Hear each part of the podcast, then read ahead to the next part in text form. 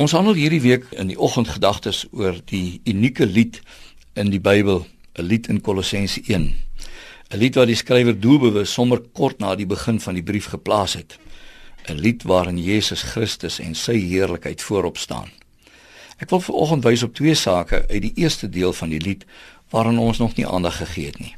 Vers 16 en 17. Alles is vir hom, die seun, geskape. Voor alles was hy daar en deur hom bly alles in stand. Alles is vir hom of dan tot hom geskape. Ons kan sê alles wat die Vader deur die Seun geskaap het, is gerig op die Seun. En hier is dit nou belangrik dat ons mooi dink oor wat hierdie alles is wat via die Seun geskep is. Ons sou kon praat van die aarde, die hemelliggame, die sterre, die planete. Ons sou kon praat oor diere, plante, ja ook die engele.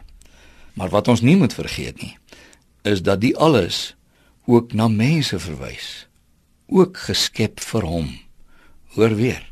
Alles is vir hom geskep. Ja ook jy gelowige.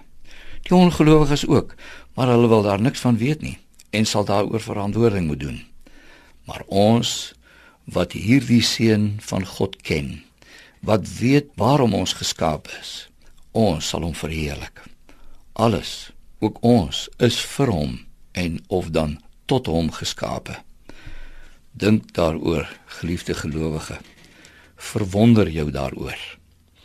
Jy hoef nie te raai waarom jy op hierdie aarde is nie.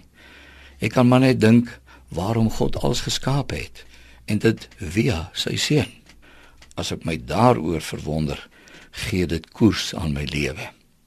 Jy weet, dit is harde geloofswerk want vanuit ons natuur is ons nie gewoond om ons lewe op die Here te rig nie. Vanuit ons ou natuur is ons geneig om ons lewe op onsself en ons eie voordele te rig.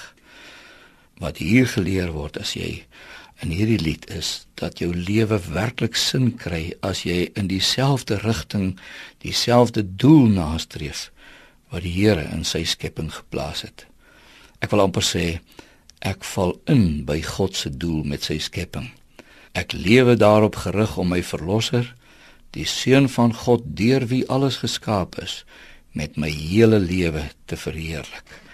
Ook met my gewone lewe van elke dag, natuurlik in my binnekamer, natuurlik saam gesamentlik aanbidding, maar in besonder ook deur my gewone lewe van elke dag hom te verheerlik. Mag die Here u vandag so lei. Amen.